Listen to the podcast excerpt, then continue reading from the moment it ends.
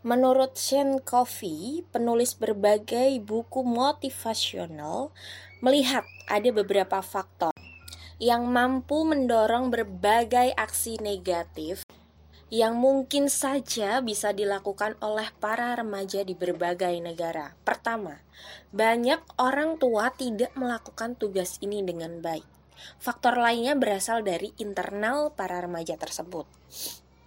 Tawuran atau berbagai bentuk kenakalan dan kriminalitas remaja terjadi karena pelakunya merasa tidak nyaman dengan dirinya sendiri. Oleh karena itu, bingung dengan identitas mereka maka para remaja ini berlindung di balik identitas seorang kelompok. Menurut Kofi, para remaja ini perlu adanya menemukan identitas diri atau jati diri mereka sendiri.